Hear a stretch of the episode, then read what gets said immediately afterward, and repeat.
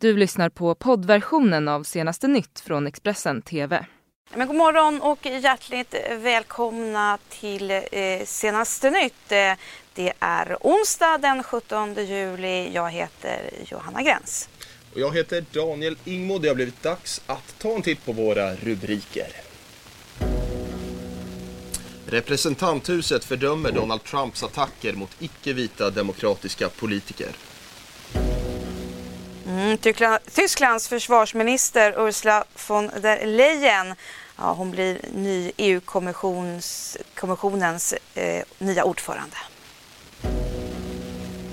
Svenskregisserade Tjernobyl ligger bra till inför årets Emmy-gala. Men vi ska börja med att berätta att polisen nu utreder ett misstänkt mordförsök sedan en man i 20-årsåldern knivskurits i Göteborg här under natten till idag. Han fördes till sjukhus med allvarliga skador och tre misstänkta personer har nu gripits, två män och en kvinna eh, för den här händelsen då. Det här rapporterar TT. Och så ska det handla om trafiken 111 personer omkom i trafiken under det första halvåret 2019 enligt Transportstyrelsen. Det är 20 färre dödsolyckor jämfört med samma period förra året och vintermånaderna var mörka trafikmånader. I januari månad omkom 30 personer i trafiken. Vi går vidare. Vi ska berätta att Swedbanks tidigare koncernchef Birgit Bonnesen hon kan gå en tuff eh, höst till mötes då hon ska förhöras i den pågående polisutredningen. Det är så att storbanken den utreds ju sedan i våras för obehörigt röjande av insiderinformation och misstanke om grovt svindleri. Expressens Leif Brännström han ska nu ge oss en kort sammanfattning av det som har hänt. Accelererade ju det här då en månad senare att då utvidgades då brottsmisstanken med något som heter misstanke om grovt svindleri här och då eh, det är en helt annan, det har inte med varandra att göra de här två grejerna egentligen. Men den andra som tillkom nu, den här brottsmisstanken, det gällde då att man misstänkte att banken då hade kört dubbelspel. Att utåt sa man att nej, men det var frid och fröjd med allting som hände i Baltikum. Vi har inte varit inblandade i någonting där. Och i själva verket så visste man eh, hur det låg till helt enkelt. Och det är då att man hade vilselett och det här kallas för grovt svindleri helt enkelt. Så det här blev en turbulens start och samtidigt kan man säga då var det på flera polisrazzior mot banken. Eh, och eh, dagen efter att man gjorde det här, eh, då, den här razzian som gällde då misstanken om grovt svindleri, då fick ju bonusen sparken, alltså koncernchefen. Och det var då samma dag som eh, banken hade sin årsstämma, så det var ju någonting som saknade motstycke kan man säga i bank, svensk bankhistoria mm. den turbulensen. Mm. Och nu har utredningen pågått här under ganska lång tid. Man har gjort hela, många förhör vet jag och man har ju säkrat en hel del eh, material från banken. Eh, och eh, där är nu ett skede att där man så småningom nu i höst, vad jag förstått mina källor säger detta, så kommer Birgit Bonnesen att förhöras av personal från Ekobrottsmyndigheten i Stockholm. Trots sommar och semestrar så tar inte Stockholmsbörsen ledigt. Här under morgonen så kommer bland annat Swedbank och Ericssons delårsrapporter. Vi kommer såklart summera det viktigaste ifrån dem. Under tiden så går vi till USA. Det är så att Donald Trump i en serie tweets har attackerat en kongressgrupp med, med demokratiska kvinnor som har varit öppet kritiska mot hans immigrationspolitik. Gruppen har fördömt situationen vid landets gräns mot Mexiko med överfyllda flyktingläger. Och på Twitter har Trump Trumps svar varit hårt. Mm, han har nu anklagats för eh, rasism när han har skrivit att kvinnor eh, istället för att kritisera USAs politik borde åka tillbaka eh, till länderna där de är födda trots att alla fyra i den här gruppen är amerikanska medborgare. Nu har eh, USAs representanthus eh, röstat och eh, nu eh, för att då fördöma de här uttalandena. Röstningen slutade 240 mot 187 där även fyra republikaner står bakom att eh, presidentens ord är helt enkelt rasistiska. Nu ska vi till den eh, tragiska flygplansolycka som skedde i söndags i Umeå. Precis, det har gått tre dagar sedan dess när nio människor alltså miste livet och Statens haverikommission är nu i full gång med sin utredning kring den här kraschen. En australisk utredning visar att planets motor är en av de mest vanligt förekommande vid motorhaverier. I veckan kom vraket att bärgas till Strängnäs för vidare undersökning. Kvar i Umeå är de anhöriga till de människor som dog i kraschen. Flera teorier har cirkulerat kring vad som är orsaken till olyckan. Hans Kjell, flygexpert, berättar om vad han tror kan ha hänt. Det är fortfarande många arbetshypoteser kvar så att säga och öppna frågor naturligtvis. Och det beror delvis på att haverikommissionens jobb kan man inte följa mer än från yttre kan man säga, referens därför att eh, utredningen har sekretess ju. Och eh, av de här hypoteserna som vi har hört nu än så länge, vilken lutar du åt vara den mest sannolika anledningen till kraschen? Jag kan inte ranka några hypoteser men vi vet ju att vingen gick av och det, och det har haverikommissionen bekräftat.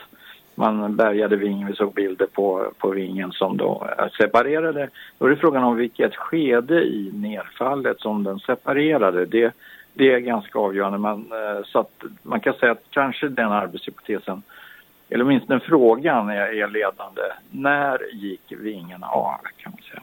Och när eh, tror du att vi får svar på den frågan? Kommer det dröja tills haverikommissionen är klar med sin rapport om ett år eller kan det ske tidigare?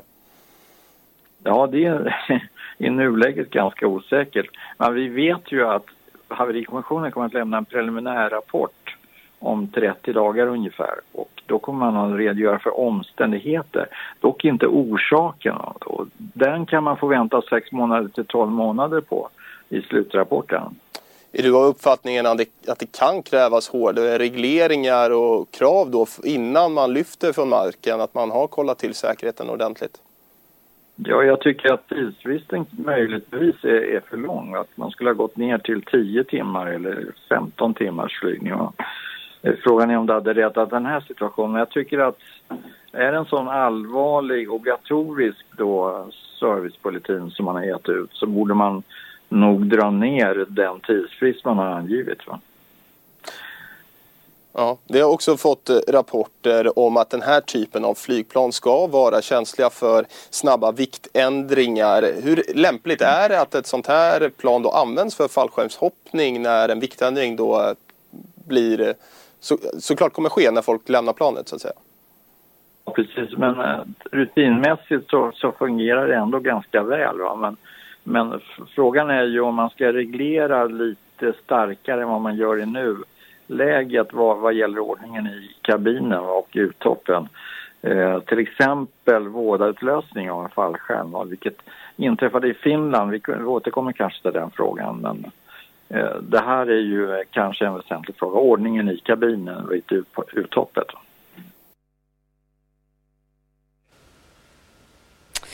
Vi går vidare med andra nyheter. Igår kväll så blev det klart att Tysklands försvarsminister Ursula von der Leyen blir, ny, eh, EU-kommission, eh, blir EU-kommissionens nya ordförande och tar över efter nuvarande ordföranden Jean-Claude Juncker. Ja, hon har ju varit i den, eh, i den tyska regeringen under lång tid. Hon är en av de få ministrar som har varit med i Angela Merkels regering ända från början och haft flera andra tunga ministerposter, så hon är ju mycket erfaren. 16 juli 2019 blev en historisk dag. Tysklands försvarsminister Ursula von der Leyen valdes till ny ordförande i EU-kommissionen. Vilket betyder att det för första gången i historien är en kvinna som intar posten. Von der Leins hjärtefrågor är jämställdhet och klimatkamp. Hon har lovat att lägga fram ett klimatpaket under sina första hundra dagar i tjänsten och att hon ska lägga fram den första europeiska klimatlagen någonsin som kommer göra 2050 års mål till lag. Hon vill också ta nya tag när det gäller asyl och migration och menar att det till havs är en plikt att rädda liv och att en ny sorts ansvarsfördelning behövs, skriver TT. Den 60-åriga tyska sjubarnsmamman från det kristdemokratiska partiet CDU fick 383 av 751 röster bakom sig när hon röstades fram som ny ordförande och fick därför majoritet. Hon är läkare i grunden och hennes pappa Ernst Albrecht var även han politiker i samma parti och arbetade vid EU-kommissionen. Ursula von der Leyen ska tillträda posten den 1 november när hon tar efter nuvarande ordförande Jean-Claude Juncker.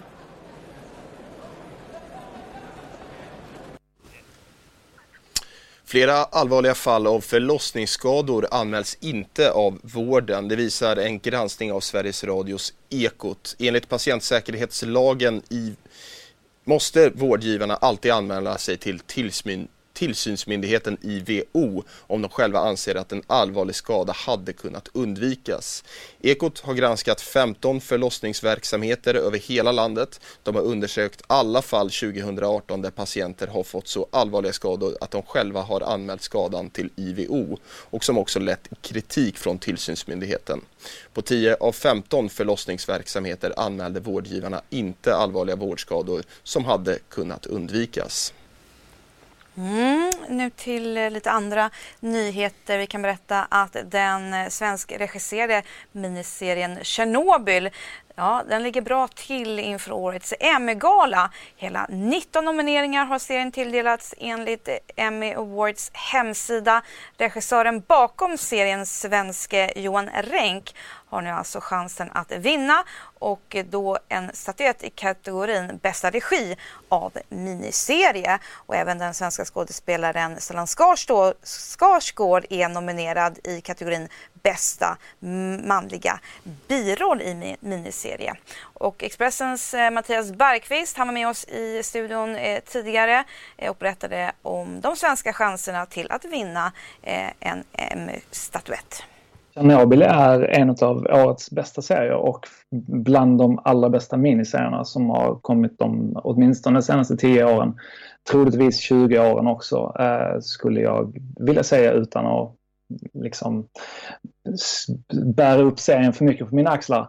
Men, eh, men det är en fantastisk serie. Johan Renks regi är makalöst bra. Eh, Skarsgård liksom Jared Harris och Emily Watson som spelar huvudrollerna är makalösa också. Eh, samtidigt som Craig Mason som har skrivit manuset, han har gjort ett fantastiskt jobb med att liksom på fem avsnitt, eh, visserligen ganska långa avsnitt, men ändå berätta den här eh, historien om Tjernobylkatastrofen på ett eh, intrikat och eh, spännande sätt där man, eh, där man framförallt lyfter fram människorna bakom katastrofen och även visar liksom på de eh, systemfel som ledde fram till, eh, till olyckan. Mm, en annan serie som eh, ser ut att kunna ta hem många rekordmånga priser, det är Game of Thrones. Hur, mm -hmm. ja, är det, hur, väntas, hur väntas det bli? så att säga? Eh, jag tror att, eh, att Game of Thrones kommer att vinna ganska många. De har eh, 32 nomineringar, vilket är rekord för, för en och samma serie på, på samma gång. Och eh, skulle man gissa, alltså det finns ju, det kommer slå ut varandra lite grann för att det är i vissa kategorier, eh, bland annat bästa kvinnliga skådespelare i en dramaserie, så, så är tre av nomineringarna tillhör Game of Thrones. Så att de kommer liksom slå ut varandra i kategorierna. Men det kommer att bli den serie som tar hem eh, flest priser. Om det finns det nästan inget, inget att snacka om. Men Game of Thrones och Chernobyl tillsammans har, har gjort, eh, plus många fler nomineringar såklart. Eh, Chernobyl tog för övrigt hem 19 nomineringar sammanlagt. Men eh, HBO eh, som sänder båda serierna har samlat ihop 137 nomineringar allt som allt. Och det, det är också rekord för, eh, för Emmy-galan. Eh, samtidigt som man kan säga att Game of Thrones är slut och Weep är slut som också eh, har plockat hem flera nomineringar. Eh, och Barry eh, kommer visserligen tillbaka när en, en annan komediserie som, som också har nominerats i flera kategorier. Men troligtvis är det här sista året som eh, HBO eh, är den kanal som liksom leder eh, Ehm, bland giganterna med flest nomineringar. Ehm, förra året så fick de lika många som Netflix. Eh, I år har Netflix fem nomineringar fler än förra året. Eh, samtidigt så tar man bort Game of Thrones, då, då ligger eh, Netflix etta. Mm, vi får alla hålla eh, tummarna att vi tar hem så många Emmy-statyetter som bara möjligt går. Vill ni ha mer nyheter? Ja, då går ni in på Expressen.se. Du har lyssnat på poddversionen av senaste nytt från Expressen TV. Till förordnad ansvarig utgivare är Klas Granström. Ett poddtips från Podplay. I fallen jag aldrig glömmer djupdyker Hasse Aro i arbetet bakom några av Sveriges mest uppseendeväckande brottsutredningar. Går vi in med hemlig telefonavlyssning och, och då upplever vi att vi får en total förändring av hans beteende. Vad är det som händer nu? Vem är det som läcker? Och så säger han att jag är kriminell, jag har varit kriminell i hela mitt liv men att mörda ett barn, där går min gräns. Nya säsongen av Fallen jag aldrig glömmer på Podplay.